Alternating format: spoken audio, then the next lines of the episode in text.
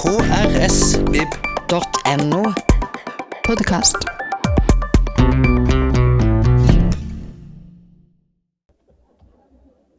Sjakkfeberen den herjer eh, i Norge, ikke minst pga. Magnus Carlssons fantastiske bragder. Uh, fra han ble, liksom da det skikkelig starta med NRK-sending og det hele i 2013, som, med verdensmesterskapet. Og nå kan han gå for eh, en verdensrekord i rating. Det syns jeg er interessant å høre om. Jeg vet ikke om dere har det inne. For han har hatt en fabelaktig start på sesongen. Men sjakk er mer enn et spill. Det kaster faktisk lys over verdens utvikling. Altså Det er storpolitikk. Det var den kalde krigen, og da var altså sjakk eh, en del av verdenspolitikken. I dag har vi fått en gjest som sammen med eh, Hans Ola Lahlum har skrevet boka 'Sjakkgeniene historien om verdensmestrene'. I tillegg så har Atle Grønn også skrevet personlig sitt forhold til, til sjakk, altså 'Sjakken eller livet'. Få kan rett og slett mer om sjakk i Norge, og vi har fulgt han mange av oss på NRKs fantastiske sendinger. Og nå har vi altså besøk han her. Han er professor russisk, så ta godt og hold deg fast. Eh, Fredrik Vandrup og Atle Grønn.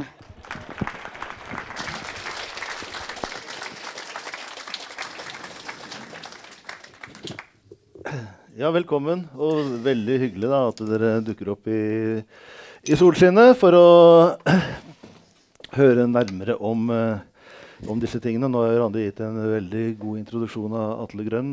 En eh, mann som også er professor i russisk. Og der er det jo en sammenheng selvfølgelig med, med sjakk, eh, sjakkekspertisen. Og disse bøkene de, de ser altså sånn ut. De er tykke og gode og fulle av innhold. 'Sjakken eller livet' og 'Sjakkgeniene'. Ja, Atle Jeg må først takke da, for at jeg ble invitert, og at det er så bra oppmøte på biblioteket. Så det er tydeligvis en veldig bra serie Randi har fått til her. Så det ser veldig lovende ut denne dagen her.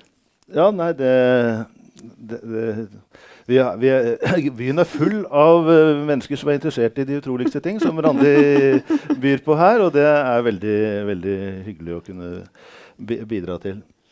Jeg har eh, Jeg skal ikke spille sjakk med Atle Grønn, det er i hvert fall helt 100% sikkert.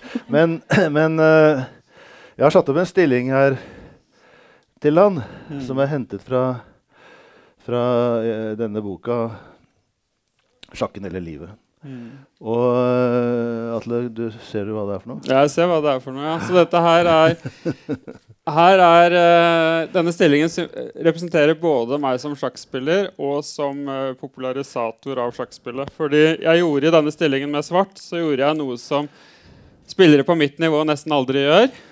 Nemlig jeg ga ikke opp partiet i en håpløs stilling. Fordi jeg spilte her mot en eh, ganske interessant ung mann. Dette var i 2005, sommeren 2005 i Sandnes, i siste runde i Norgesmesterskapet.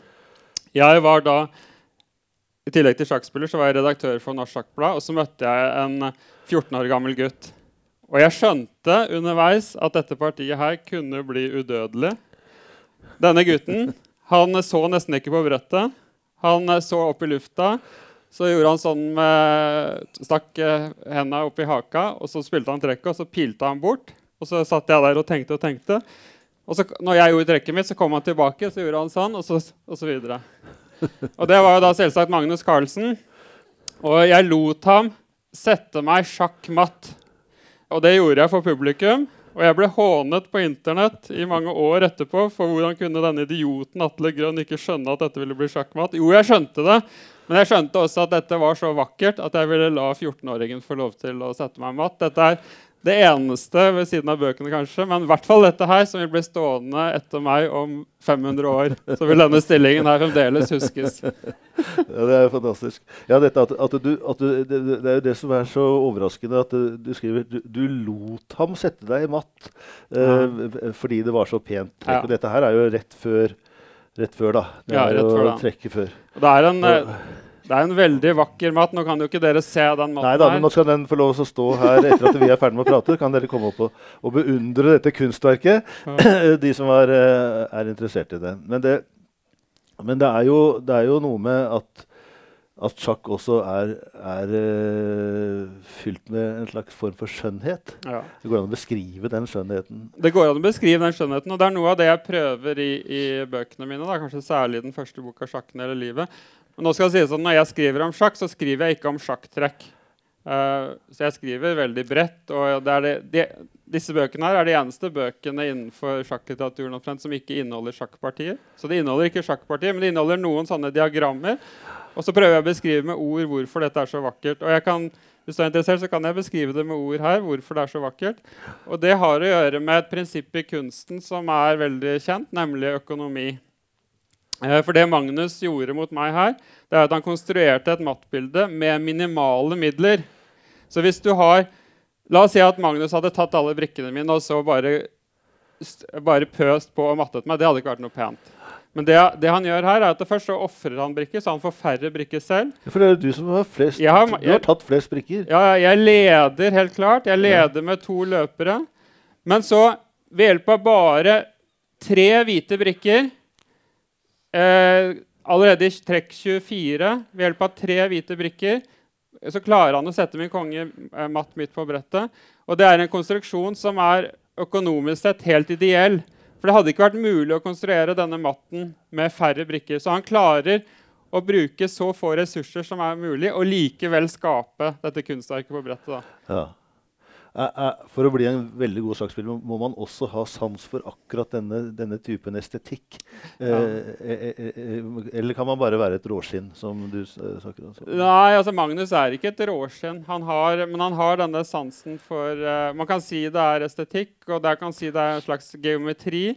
At han for hver brikke, altså for dronningen, tårnet, løperen, springeren osv., så, videre, så kjenner han alle de optimale plasseringene. Men han kjenner det intuitivt. Uh, og så klarer han det som ingen andre klarer på samme, samme nivå i sjakkhistorien, nemlig å få disse brikkene til å samarbeide helt optimalt. Og Det er det han gjør i dette partiet mot meg. Ja. Han bruker dronning av tårnet og en bonde i sentrum. Og så bruker han mine brikker også til å konstruere sin matt. Så han, han lar mine brikker komme på de mest uheldige feltene for meg. Eh, og hvordan han får til det, det er helt utrolig. Og, og da jeg satt og spilte dette partiet, så første bord i Norgesmesterskapet, så var det et veldig viktig parti, jeg skjønte ikke at det var mulig å spille så godt. Og det, samtidig at han gjorde det så fort og uanstrengt, mens jeg satt der og regnet og regnet og regnet og sleit. Jeg har kalt uh, sjakkspaltistene for, for sjakkens eh, hemmelige helter. Ja. og og det, de er på en måte uten sjakkspaltistene, som en sånn, sånn ekko Ja. av, av, av det spillet som foregår, så ville kanskje sjakken vært mindre interessant. Ja. Fordi de- sjakkspaltistene, ikke sånne som deg, men sånne andre som sitter med, med voldsom Nesten et kodespråk. ikke sant? Det er nesten umulig å forstå for, for ikke-innvidde. De undersøker alle muligheter og, og avarter og, og ting som eh, har foregått gjennom et parti, og, og analyserer det til bunns. Ja. Uh, og det er mange av dem. Ja. Det er vel en hel industri, nesten. Ja, altså vi er, sånn sett så har vi vært uh, privilegerte i, eh, i uh, Norge, men for så vidt kan vi si i Vest-Europa, hvor at vi har disse sjakkspaltene, disse daglige sjakkspaltene. Og de var jo enda viktigere kanskje da, før Internett og da folk leste papiraviser hver eneste dag. Uh, så sjakkspaltene har vært veldig viktige for det vi kaller menigheten. Da. Det er de du snakker om som forstår disse kodene. Ja. For det er klart at uh, vanlige folk skjønner ikke de sjakkodene. Mm. Så når jeg selv skriver om sjakk, så unngår jeg disse kodene. For hvis jeg skriver eh, LB4 pluss uh, osv., så, så vet jeg at folk faller av. Ja. Og det merker man jo særlig godt etter at vi begynte med NRK-sendingene, som hvor tre millioner nordmenn er innom sendingene under VM. Så det er jo helt fantastiske tall. Men jeg vet jo også at 90% av de tre millionene de skjønner ikke LB4 pluss. Nei. Så, så, så vi er blitt veldig bevisst på å popularisere og skrive for noe mer enn menigheten. da.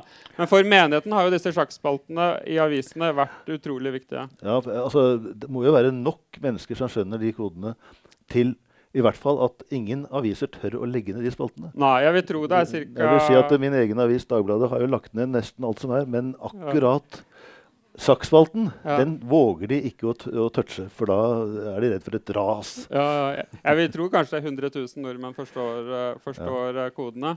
Men det er jo ikke veldig mange eh, likevel prosentmessig. Eh, og NRK, som da har millioner av seere, må, må favne mye bredere. Da. Så vi kan, ikke, vi kan ikke forklare sjakk med koder i NRK, men det fungerer i sjakkspaltene i avisene. Mm.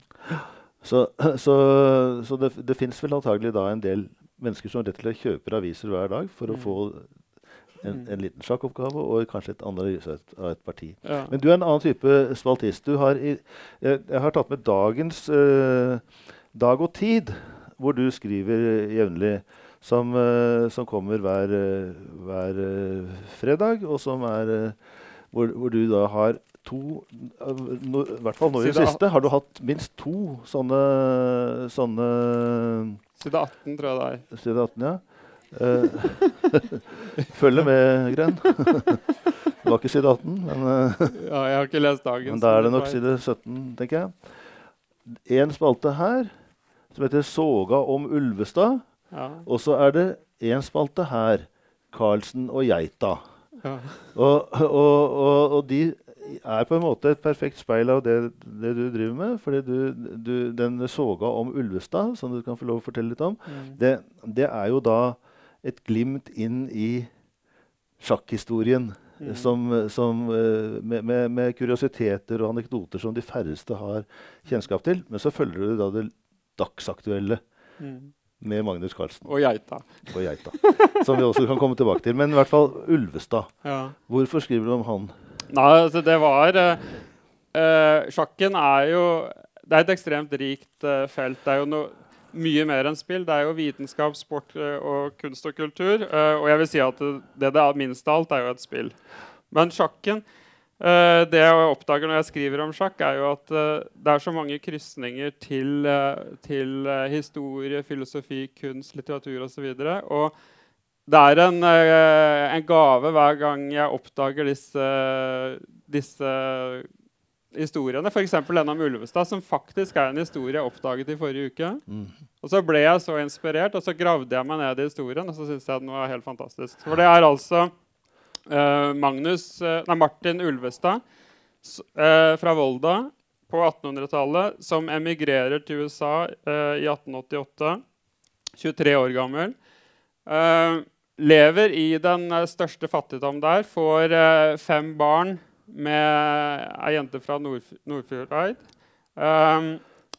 Han har ingen utdannelse, men presten hjemme i, i Volda, da han konfirmerte seg, så sa presten at uh, du har et spesielt skarpt hode. Og det, det tenkte Ulvestad på da han kom til USA, og så begynte han å skrive bøker. Og skrev en rekke bøker, og skrev bl.a.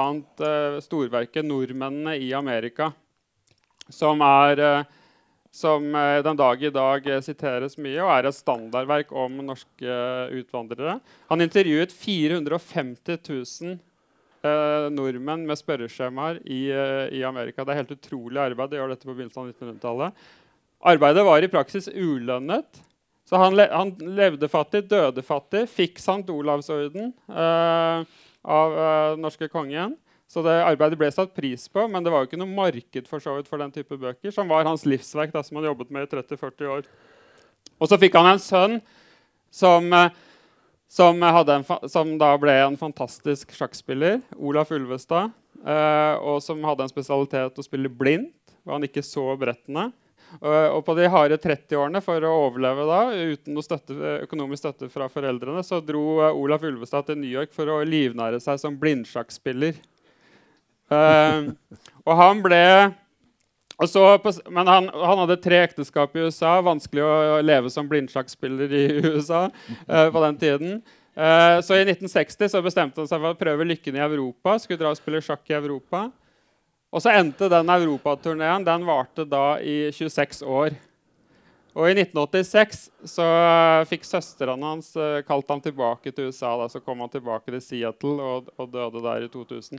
Men det er altså to blad Ulvestad. Ja. Så to skjebner hvor begge levde i fattigdom hele livet. Begge begge disse Ulvestad-mennene de, de forfulgte sine interesser. Den ene var lokalhistorie og utvandrerhistorie, den andre var sjakk.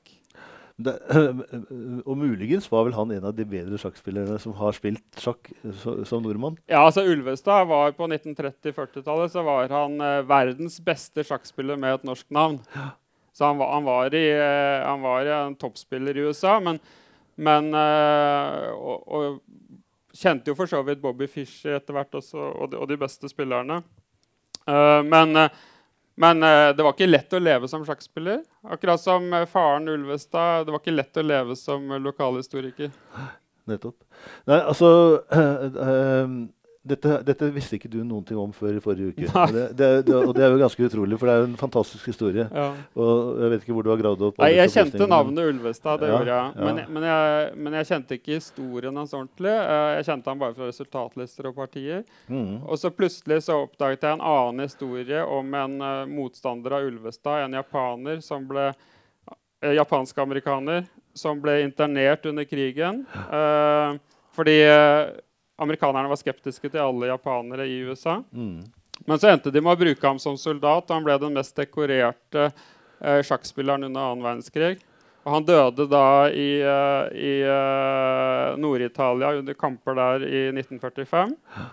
Og Så begynte jeg å lese om han, og så ser jeg at han hadde spilt mot Ulvestad. Og så, videre, og så begynte jeg å grave om Ulvestad, og så kom alle disse historiene om. Ja, det er jo, det er, det er jo, det er jo nærmest romaner, ja, altså disse, disse, fortellingene.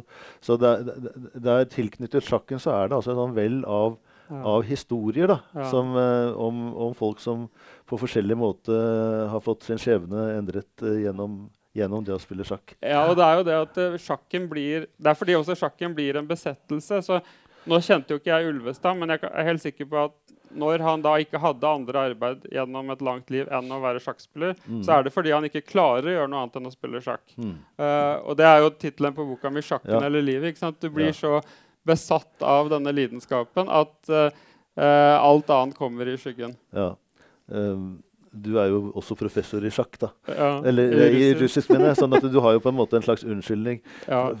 Du, du, er ikke, du, er ikke, helt besatt? Nei, altså jo, jeg er for så vidt besatt, men, men, jeg dras jo mot disse to tingene hele tiden. Ja. Eh, jeg dras mellom de to verdenene. Jeg dras mellom det vanlige samfunnet og det vanlige livet, og sjakklivet. Mm. Uh, så, så, jeg kjenner den problemstillingen, sjakken eller livet, godt, kan du ja, se. Uh, og det er jo sjakken som er min store lidenskap. Det var sjakken som gjorde at jeg begynte med russisk, som du antydet også. Mm. Og at jeg fikk den interessen som 15-åring da jeg spilte faktisk her i Kristiansand. Så ble jeg junior-norgesmester i sjakk i 1987. Ja, ja det må jeg klappe for. to, 32 år på etterskudd, men OK. Ja. Da, da, da, tenkte jeg at uh, som sjakkspiller så må man jo lære seg russisk. tenkte jeg. Ja. Det var der det begynte. Da hadde du spilt sjakk litt før det, går jeg fra. Kan du huske ja. liksom, hvordan denne lidenskapen begynte? Var det hjemme? Var det, hadde du en sånn far som Magnus Carlsen? Nei, jeg hadde ikke far som på Magnus Carlsens nivå. Men jeg hadde, jeg hadde litt sjakk i familien og på morssida. Uh, men så var det skolesjakken. da, Skolemiljøet kom inn. Mm. Heldigvis hadde de sjakkundervisning uh, som aktivitet på, på, skolen, der jeg gikk i Oslo sentrum. Og det, jo, det, var jo et lykketreff for meg. Ja. Uh, jeg gikk på håndarbeid det første semesteret. Uh, og lagde noen sånn kleshenger og doruller og sånn. Og så var jeg veldig heldig at uh, moren min den andre semester meldte meg av håndarbeiden og inn på sjakken. Akkurat. Ja, Så det var ren flaks, altså. Det var flaks. ja. Det, og, og da, da merket du kanskje straks en sånn ja, dragning? ja, det gjør det. Det, det. det, er en besettelse. For jeg husker veldig godt Jeg skriver om det i den sjakken hele livet. Da, mm. uh, da morfaren min døde. For morfaren min var litt sjakkspiller. Og han, var, uh, han syntes det var stas at jeg hadde begynt. Og så skulle jeg spille Oslo-mesterskapet. Uh, og jeg var åtte-ni år. Mm. Og så så sitter moren min ved senga mi mens jeg sover. Uh, hun, uh, og så hører hun at jeg snakker sjakkvarianter i søvne.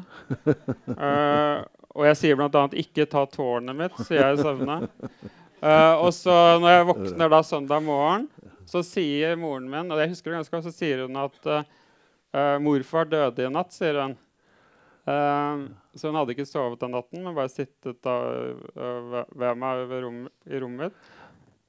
Men så husker jeg likevel at hun sa at men du må dra på Oslo-mesterskapet.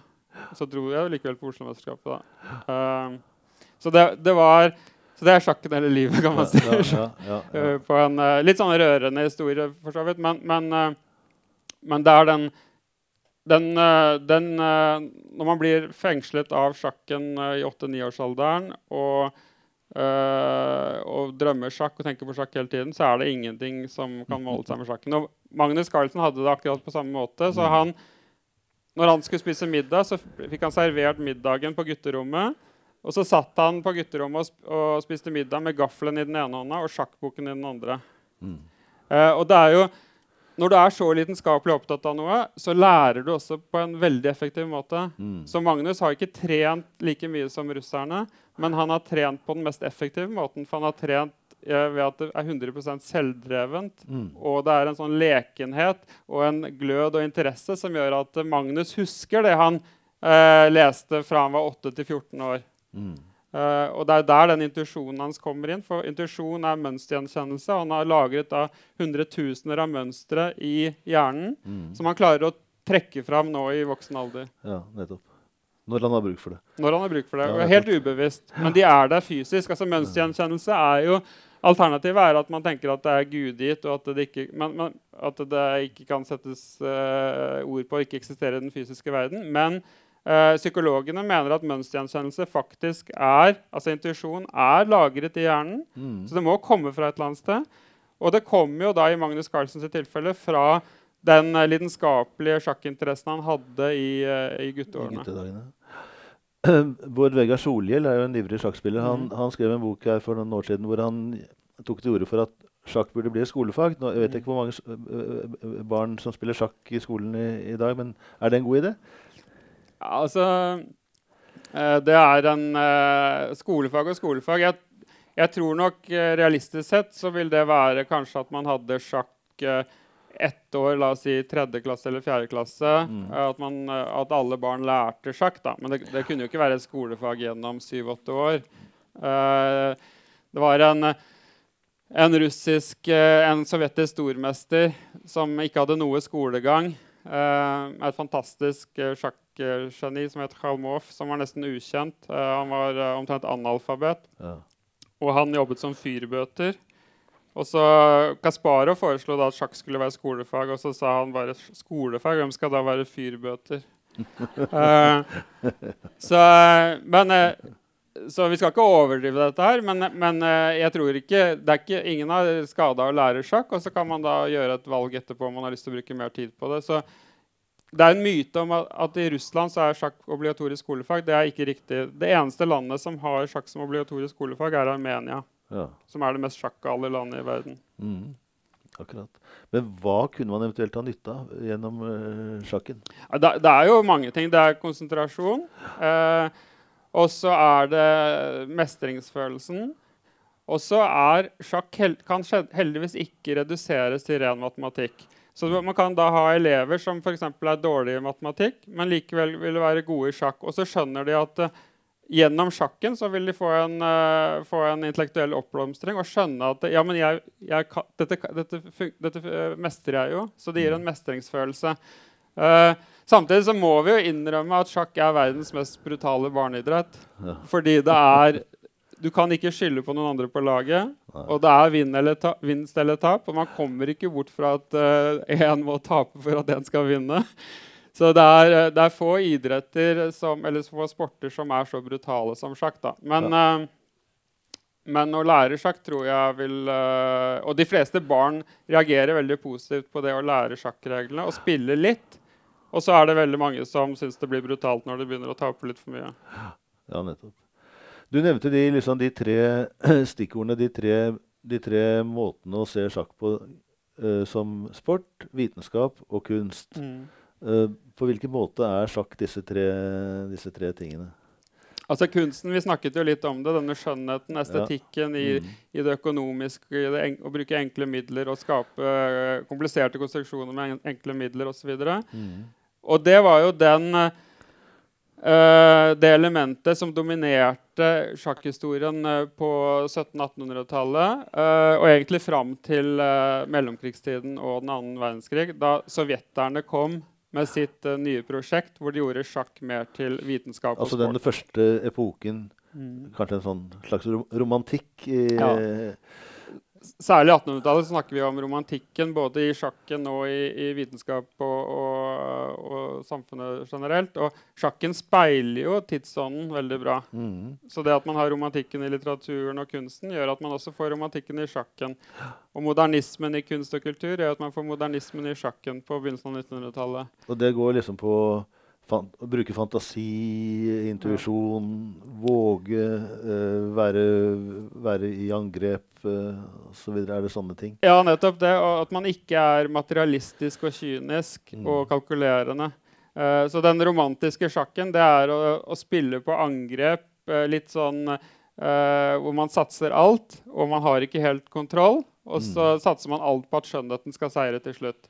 Men det er ikke nødvendigvis rasjonelt begrunnet. Og så begynte man da på slutten av 1800-tallet og 1900-tallet så begynte man å å tenke mer eh, rasjonelt og se om man kunne vinne sjakkpartier på andre måter enn bare gjennom skjønnhet. Mm. Uh, Og, og da, ja. og da går det eh, over til vitenskap, kanskje? sånn. da nærmer det seg vitenskap. Så den første verdensmesteren, Wilhelm Steinitz, som ble verdensmester i 1886, uh, han uh, var for så vidt den første vitenskapsmannen. da. Men så ble dette profesjonalisert med den sovjetrussiske sjakkskolen. Eh, og da begynte man å se på sjakk som som et, eh, et høyverdig vitenskapelig studium som de beste kunne bruke åtte-ti timer hver dag på å studere. Tidligere så var jo, Da sjakken var i den romantiske alderen, så var, så var sjakken preget av de glade amatører Mm. som satt på kafeen og skapte vakre, vakre kunstverk. Snakker vi om tiden før første verdenskrig? Ja. Altså, da var, da, de første verdensmestrene var jo ikke russiske. Det, eh, de var jo fra forskjellige land. Altså Ja. en, en, eh, en tsjekker, en tysker, eh, Mm. en cubaner Ja. osv. Så, videre. så eh, da, da, da var altså ikke russerne begynt å, å, å gjøre dette til en vitenskap ennå? Nei, så, så Russland hadde jo for så vidt eh, gode sjakktradisjoner også i Tsar-Russland før revolusjonen. Men, men eh, på 1800-tallet og begynnelsen av 1900-tallet så var det individualistenes eh, tidsalder. Så Mhm. da var det litt tilfeldig hvor han verdensmester kom fra. Kunne komme fra hvor som helst, f.eks. fra Cuba, som Capablanca. Mm. Eh, og nå med Internett så er vi litt tilbake der. For med Internett så er det demokratiserer eh, kunnskap og sjakken. Så nå kan en, en person som sitter i India, Chennai, Anand, eller en som sitter i Lommedalen, Magnus Carlsen, ha tilgang på all verdens kunnskap og kan bli verdensmester. Eh, mens under den kalde krigen, før Internett, så var det ikke mulig å konkurrere med sovjeterne. Nei. Nesten ikke mulig, fordi det var de som satt på kunnskapen. Det var de som jobbet systematisk med sjakk. Kom, kom sjakken for alvor inn i russisk eh, politikk eh, etter revolusjonen? Var, Ja, at det, det gikk litt gradvis. Men Lenin var en eh, veldig sterk sjakkspiller. Men han hadde ikke tid til å ja, Naturlig nok, det var, var hektiske år etter han revolusjonen. Han, han hadde litt andre ting å tenke på. Men, men, eh, men Stalin, som var eh, en svakere sjakkspiller Stalin eh, så propagandapotensialet i sjakken. Og han eh, eh, bestemte bl.a. at man skulle sende ut sjakkmateriell i milliontall til landsbygda og til eh, fabrikkene. Og Det var flere grunner til det. Det ene var at sjakkmateriell er jo veldig billig. Eh, og det var en eh, fin aktivitet for massene å få dem til å kanskje drikke mindre og heller bruke tid på sjakk. Eh, så av alle de altså, Vi kan jo snakke lenge om Stalins ugjerninger, men, men eh, på ett område så lyktes Sovjetunionen, da, og det var dette med, det var på sjakkens område. Det må jo si at det var et relativt vellykket statlig prosjekt. Og det eneste uh, eneste gangen i sjakkhistorien hvor sjakken har blitt et statlig prestisjeprosjekt, det var Sovjetunionen. Og det førte jo til at de hadde alle verdensmesterne etter krigen fram til uh, Fischer i 1972. Ikke sant? Så, uh, så i løpet av denne tiden på 30-tallet så ble altså sjakken på en måte en del av nesten en sånn nasjonal uh, identitet, da. Ja, og det ble en For eksempel, de hadde en turnering i, i Moskva allerede i 1925 hvor det var 300 000 moskovitter som eh, ba om å få billetter Mm. til å komme og se på. Og det er klart at Lokalet kunne bare ta noen tusen, så det 300 000 var umulig å få plass til. Mm. Og da var det fullstendig kaos i gatene. Eh, tusenvis av folk som ville inn i sjakklokalet. Mm. Uh, og så tar da en uh, politimann tar en Robert og roper ut til mengdene Bare gå hjem, det blir remis uansett. og, og Det forteller også litt om sjakkulturen og hvor høyt sjakknivå de har. Når politimannen kan da gjøre seg til doms over stillingen og vurdere den til remis og si til publikum at det er bare å gå hjem. Ja, ikke sant. Ja. De hadde jo eh, Altså, Stalin eh, Stalin eh, og Lenin hadde altså noe felles da, i dette. De hadde noe felles. Jeg var i Stalins Datsja sommerhus i Sotsji uh, i 2014. og da har han tolv rom i denne datsjaen. da. Og ett rom der er eh, sjakkrom. Bare sjakk. Mm. Så det å på hytta ha et rom bare for sjakk, Mm. det viser jo at det er en, en, en genuin sjakkinteresse der. Ikke sant?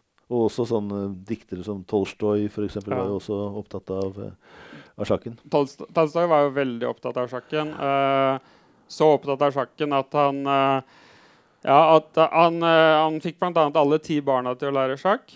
Uh, og han, han ville gjerne være den beste sjakkspilleren blant forfatterne, så han utfordret da Turgenev til duell. Ivan Turgenev, som skrev 'Fedre og sønner'. Og Turgenev hadde vært i Paris og, i, og spilt mye sjakk i Paris og ble kalt på fransk eh, 'Le Chevalier du Pion'. Så, altså eh, bondens eh, ri- ri- ridder. Han var så god i sjakk. Og det var da en prestisjeduell mellom Talstoy og Turgenev, som Turgenev vant 2-1. Og Talstoy skyldte da på at han hadde hatt hodepine akkurat den dagen. Så han nektet egentlig å anerkjenne Turgenev som den beste. da. Men, men de var, var veldig interessert i, i, i sjakk. Og under eh, en VM-kamp mellom eh, Lasker og Steinitz i, eh, i Russland i eh, 1896, så ville Talstoy ville Talstoy dra og se på denne VM-kampen.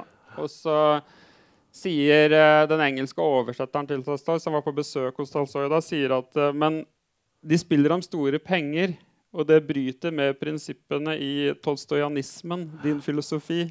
Så da ble det heller sittende på godset hans og analysere sjakkpartier isteden. Ja, akkurat. Ja. Ehm, Stalin hadde jo også en sånn eh, slags sjakkminister holdt jeg på å si, som het Krelenko, Ja. som, eh, som eh, jo hadde som oppgave å spre Ja. sjakken i, i det russiske folk. Ja, det er en av de mest interessante personlighetene i sjakkhistorien. Kanskje, kanskje den viktigste popularisatoren for sjakk. Så han, han sørget da for at eh, Man kan si at han sørget for at uh, etter hvert 250 millioner sovjetere lærte sjakk. Så alle russere hadde et forhold til sjakk. Alle sovjetere hadde et forhold til sjakk På samme måte som alle nordmenn har et forhold til ski. Selv om vi ikke går på ski alle, så, så vet vi hva blåseviks er. Og selv om ikke alle russere spiller sjakk, så, så vet de hva dronninggambit og siciliansk er. Uh, så når jeg tar drosje i, i, Russland og spør drosjesjåføren om han spiller sjakk, nei, han gjør ikke det, og så begynner han å snakke om dronninggambit, ja, ja, da har han full peiling. uh, så det er litt, litt det samme som forhold som vi har til ski. Men, men Krilenko var altså han var uh, justisminister, statsadvokat, og da ansvarlig for uh, Moskva-prosessene, Stalin-prosessene på 1930-tallet. Og den, den eh, største bøddelen og med mest blod på henda i sjakkhistorien. Ansvarlig for eh, at hundretusener døde. Samtidig så var han idrettsminister og sjakkminister. Eh, så, eh, og så skjedde jo det interessant nok, og fortjent nok, kan vi si, at i 1938, under de verste Stalin-prosessene, så syns Stalin at Krylenka hadde blitt for mektig, så han henretter også Krylenka. Eh, og det var, akkurat i Krilenkas tilfelle så var det ikke helt ufortjent, men han, for han hadde virkelig blod på hendene. hadde mye, på, mye å svare for. Ja. Ja. Eh, han var også fjellklatrer, og i Tadsjikistan eh, på 1920-tallet så oppdaget han det som kalles Stalinhøyden, som er det høyeste punktet i Sovjetunionen, som er 7400 meter høyt. Eh, og fikk da navnet Stalinhøyden. da. Ja. Så han eh, er en veldig interessant personlighet og veldig dramatisk uh, historie, og veldig tragisk selvsagt historie i verdenshistorien. Det må man kunne si. Um, så er det jo ikke så veldig mye uh, internasjonale mesterskaper osv. i tiden 1940 til 45, for da, da har verden annet å tenke på. Ja. Men etter 1945 så får jo sjakken en stadig økende betydning som eh, i, i dette konkurranseforholdet mellom USA og Sovjetunionen. Ja, og, US og Russland, sovjeterne hadde jo et forsprang på USA. De hadde et forsprang vel også i romfart og på noen områder hvor de, hvor de Uh, var tidlig ute. Og USA ble tatt litt på senga av at sjakk hadde denne eh, At det var så mye prestisje knyttet til sjakk. Men det er jo egentlig ikke så rart at det var det, fordi sjakk er den reneste formen for intellektuell duell. Og det er klart at det å være best i sjakk eller best i ballett Ballett er på en måte den reneste formen for fysisk skjønnhet. Og sjakk den reneste formen for intellektuell skjønnhet. Og det å være best på disse områdene, eh, det ga jo en viss legitimitet da, til Sovjetprosjektet. Eh, og så eh, I USA så hadde de ikke noe tradisjon for å satse statlig på den type aktiviteter. Så de ble hengende etter. Og så dukket ved et mirakel heldigvis Fischer opp for amerikanerne Ja. i 1972. Og da ringte jo Kissinger, utenriksministeren, eh, ringte da til eh, Fischer i 1972 da Fischer truet med å trekke seg i matchen mot Spassky. Så ringte han og sa at nå må du stille opp og ta disse russerne for oss. Uh, og da skjønte Kissinger hvor viktig sjakken hadde blitt. Mm. Og han skjønte at nå hadde de en unik sjanse til å rette opp noe av dette. da. Du skriver at uh, for amerikanerne er sjakken et spill, Ja. men for, for russerne så er det liksom noe, me noe mer, da. Ja, det, er- det, jeg syns det er et ganske interessant retorisk poeng. fordi det har vært to uh, genier i den amerikanske sjakkhistorien. Det ene var Morphy, romantikeren på 1800-tallet. Og det andre var Bobby Fischer før- Før de opererte med verdensmesterskap, ikke Ja. sant? Altså Mm. Morphy. Ja. på Mm. midten av 1800-tallet. Eh, og de to amerikanerne eh, endte begge i galskap. Og jeg har en eh, teori om hvorfor det er sånn. fordi på 1800-tallet og i det tradisjonelle Amerika så ble sjakk sett på som en syndig aktivitet på linje med, med kortspill, dans og andre ting. Og det å være da et, geni, et sjakkgeni hvor du vier all din tid til sjakk, det ble sett ned på i samfunnet. For sjakk var bare et simpelt spill, og det var til og med et syndig spill. Eh, og Morphy, som var jurist, han fikk ingen eh, oppdrag som jurist. Fordi alle tenkte på ham bare som den gale sjakkspilleren. Og Fischer, eh, en helt, helt utrolig historie, endte jo også i, i, i galskap. Mens derimot de russiske og sovjetiske verdensmesterne de har klart seg ganske bra. fordi i Russland så har sjakk statlig ans anseelse. Så det er et prestisjeprosjekt i Russland. og derfor så det å være et geni der da, Det er akkurat sånn som å være den beste langrennsløperen i Norge. Da blir du sett på som en normal, uh, interessant person. Sett på som et geni. Ja, et geni, ja. Men er du den beste langrennsløperen i, i Kenya, så blir du sett på som en tulling. Ikke sant? Ja. Og, og, og, mens altså alle disse tidlige verdensmestrene uh, de var altså da fra forskjellige kanter av verden, men fra eh, skal vi se, litt før andre verdenskrig og framover så er det bare russere. Ja, så er det bare, bare russere. Og i, fra Med, med, med unntak av Fischer, som vi kommer tilbake til. ja, Mm. 1948 til 1972 så spilles samtlige VM-kamper spilles i Moskva, og alltid med to sovjetere på scenen. da. Mm. Så det er et fullstendig dominans. Men uh, det er bare 16 verdensmestere i historien. Fra Steines til Magnus Carlsen. 16 verdensmestere på 133 år. Og i den boka 'Sjakkgeniene' så skriver jeg om de åtte sovjetrussiske. Og noe av prosjektet mitt da, det er å prøve å vise at selv om de dominerer totalt, så er disse personlighetene veldig forskjellige. Veldig forskjellige. Ja. Ja. Du har bohemen Thal, du har patriarken eh, Botvinnik. Ja. Sån, sånne typer som har eh, veldig eh, karakteristiske trekk, da, Ja. som er mulig å Og som er romanfigurer, mer eller mindre. Ja, veldig sterke personligheter. Veldig, altså, Tal, eksempel. Eh, eh, jøde fra, fra Riga. Trollmannen ble han kalt. Det, går ikke an å finne opp en sånn person. Hadde han vært en romanfigur, så ville man tenkt at det, er ureal, det, det, det gir ikke mening. Han er en, en personlighet som, eh, som må oppleses, oppleves, eh, som man må lese om. og som, som, Historien er for god til å være sann. Eh, og sånn var mange av disse sovjetiske spillerne. De, de var eh, fantastiske individer. Og man må jo ha en spesiell personlighet for å bli verdens beste sjakkspiller. Ja, nettopp. Og det, det, det, viser jo også i dette med at det, sjakkspillere preges ofte av, av en viss form for originalitet. da. Ja. Og da topper jo Fischer på en måte. eh, Fischer topper definitivt. Og han, eh, Fischer er jo også oppvokst i USA, med, født i 1943 med jødisk alenemor. Og eh, trodde jo lenge at faren var en tysk uh, fysiker med navn Fischer. Derav navnet Fischer. Så viser det seg at faren til Fischer er en ungarsk matematiker, også jøde. Så han er, er jøde både på mor- og farssiden. Men utviklet jo et veldig sterkt jødehat, som er helt absurd. Han utviklet også et veldig problematisk forhold til kvinner, som er helt absurd. Men det kan nok forklares sånn delvis ved at uh, han var vokst opp med denne alenemoren, som gjorde sitt beste, for så vidt. Men savnet av farsfiguren gjorde at han begynte å hate det moren sto for. da. mm. Nemlig at hun var kvinne, og at hun var jøde. Eh, og det, helt, det ble en helt absurd og tragisk historie uh, som endte i fullstendig galskap. Uh, Mm. Ja. Og, og, og det, dette toppet seg jo altså i Reykjavik da, i 1972, med, Mm. hvor, eh, hvor han møtte da dandyen i russisk eh, sjakk, eh, Spassky, Boris Mm. Spassky. Mm. Og denne kampen ble jo, eh, ble også til viss, til viss grad absurd, da, Mm. fordi det var så mye snak, snakk om utenforliggende ting. Ja, altså Fischer møtte jo ikke opp til alle partiene. og Av de 20 partiene så var det bare ett parti hvor Fischer møtte opp tidsnok. Ja. Så det, Han truet jo med å trekke seg hele tiden, og det var jo, det var jo skandaler hele veien. Og det var der Kissinger da ringte da og sa til Fischer at nå må du stille opp. Ja. Uh, men, eh, men Fischer hadde jo da allerede utviklet en form for galskap. og... Han vant jo. Han vant jo, han var jo den beste. Ja. Uh, han var jo en helt fantastisk sjakkspiller. Uh, men, og, men dette var altså første gang sjakk ble Skapte på en måte virkelig verdenshistorie og var på førstesiden av alle aviser Ja. verden over.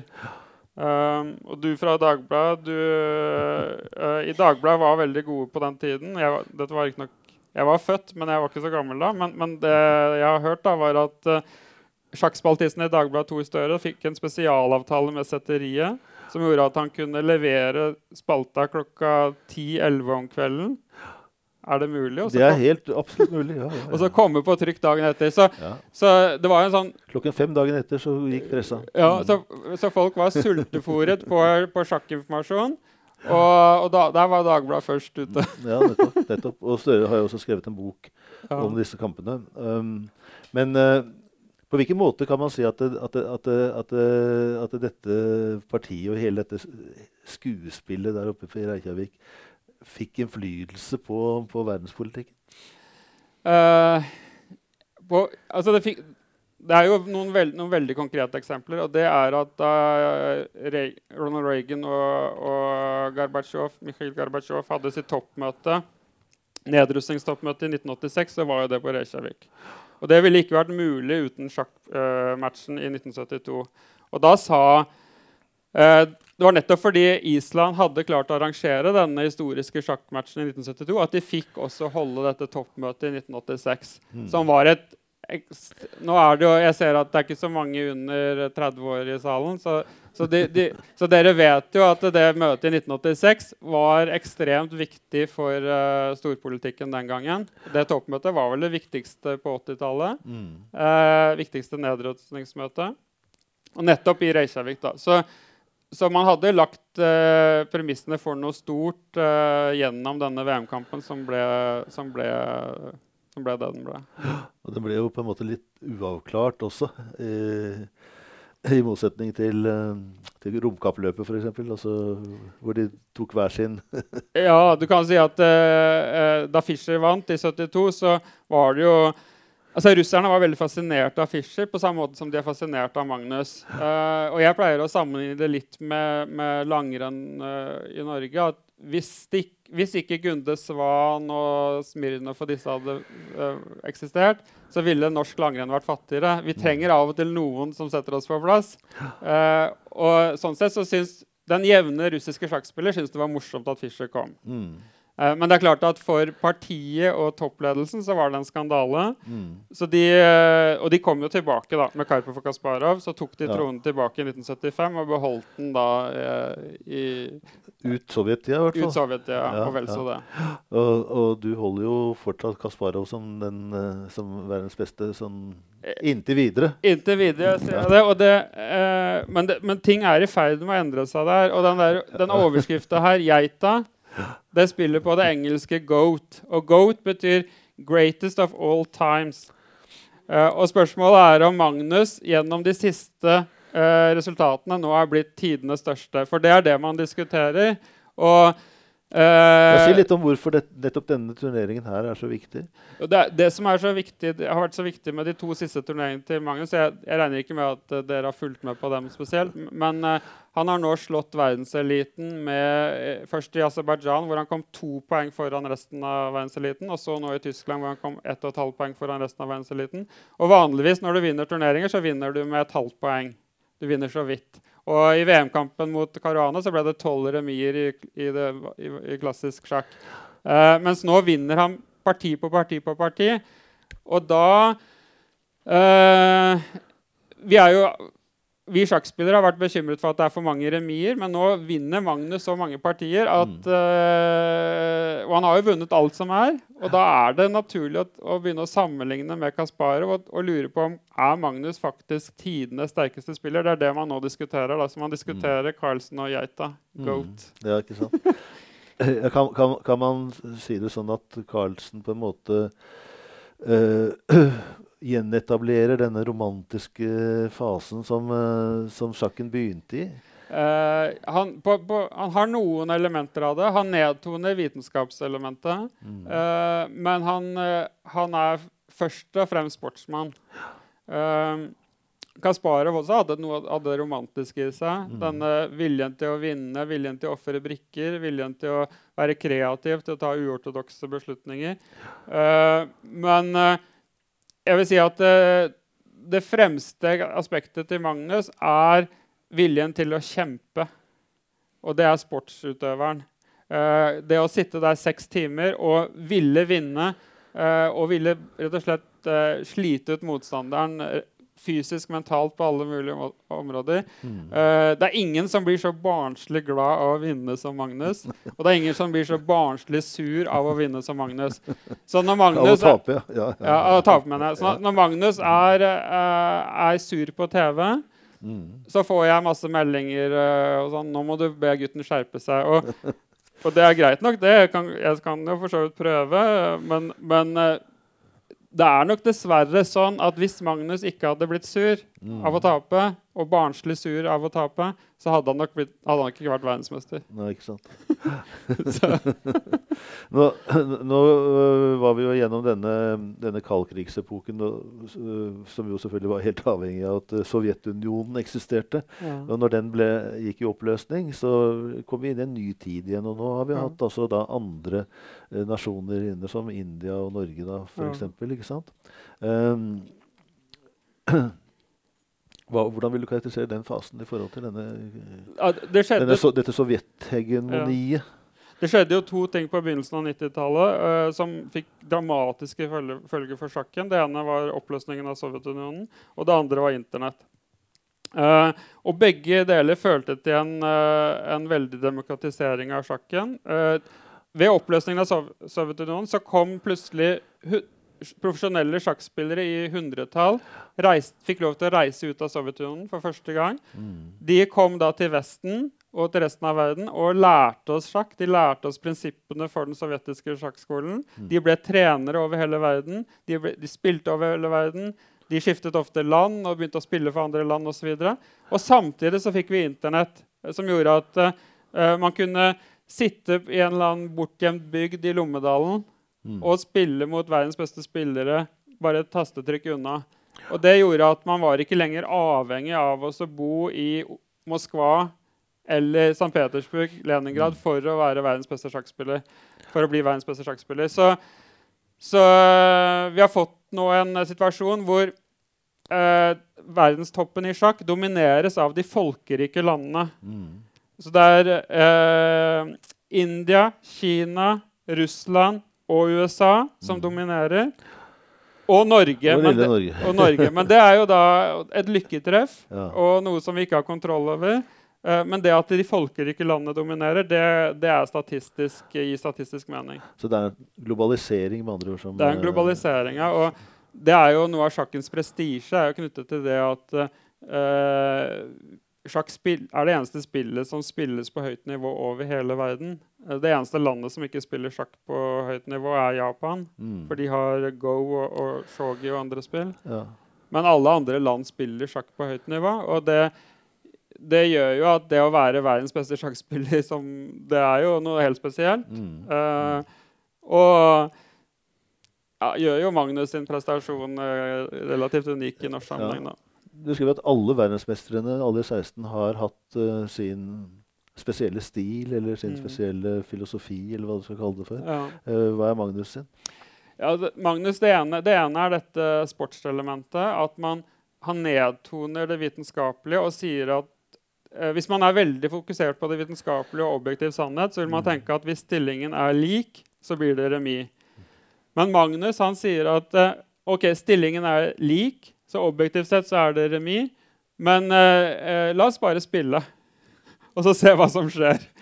Så russerne de hadde en sånn filosofi om at eh, hvis stillingen er lik etter 20 trekk, eller noe sånt, så kan vi ta remis og så prøve neste parti. Men Magnus sier at eh, ja, ok, vi får se hvem som er best nå i en lik stilling. Eh, og du skal, du skal, vi skal sitte her i tre-fire timer til. Mm. Eh, og det er klart at det, det er en eh, Bare å spille mot en person som har den innstillingen, gjør at det, er, det gjør noe med deg. Og det er eh, du, du vet at du ikke vil kunne slappe av et sekund i de neste tre-fire timene. Og så sitter Magnus der og prøver og prøver, og prøver, og til slutt så feiler motstanderen.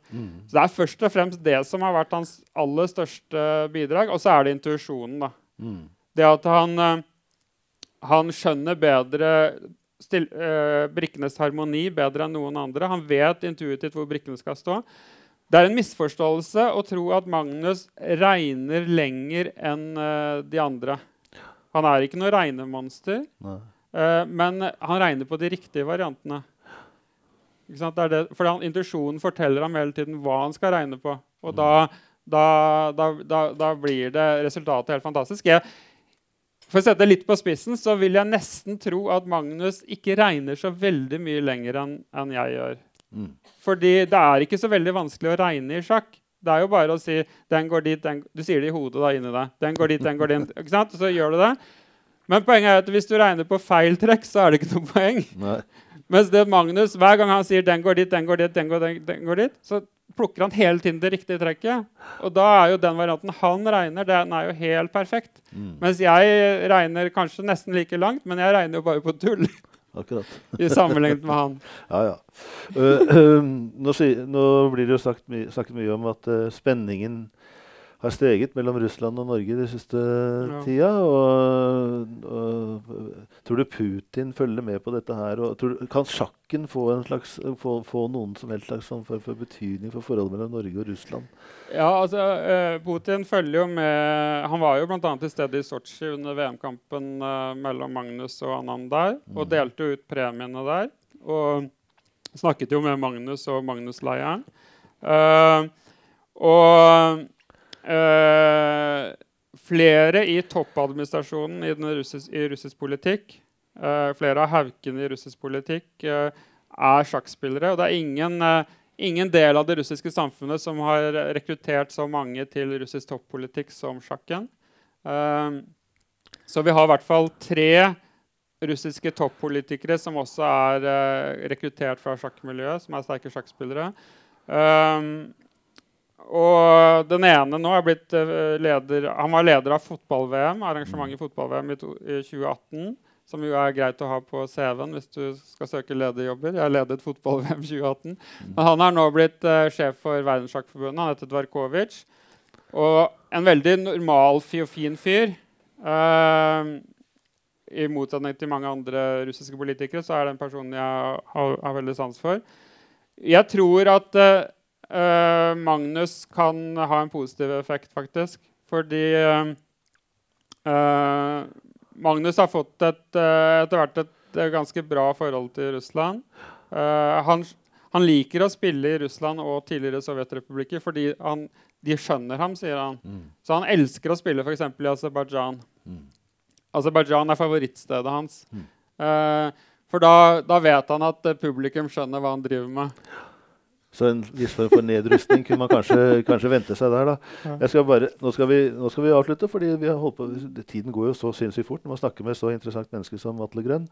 Men du har Dette har ikke du skrevet, men du har sitert det. Du har funnet det fra, fra en sjakkhistoriker som heter Urkan, som skriver om, eh, om Magnus Carlsens siste bravader. Og det, er, det han skriver, er Han er i Guds navn et geni.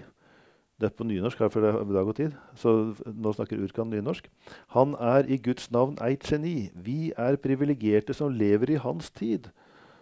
Det er som å leve i renessansen i det 15. År, hundreåret og kunne se Leonardo da Vinci måla via, måla via liv, livesendinger på Internett. Som å se Leonardo da Vinci live. ja. Det er ganske sterkt. og vi kan la, godt la det være de siste ordene, for det er jo, vi lever jo i Magnus Carlsens epoke, alle sammen. Og Atle, tusen takk for Ja. at du kom hit i Kristiansand. Du, Ja. Vi kunne holdt på her i mange timer, Ja, men det skal vi ikke gjøre. Tusen takk til publikum.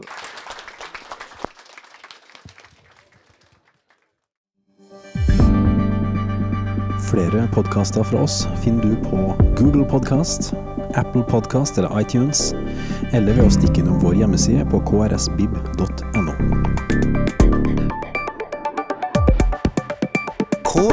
krsbib.no. Podkast.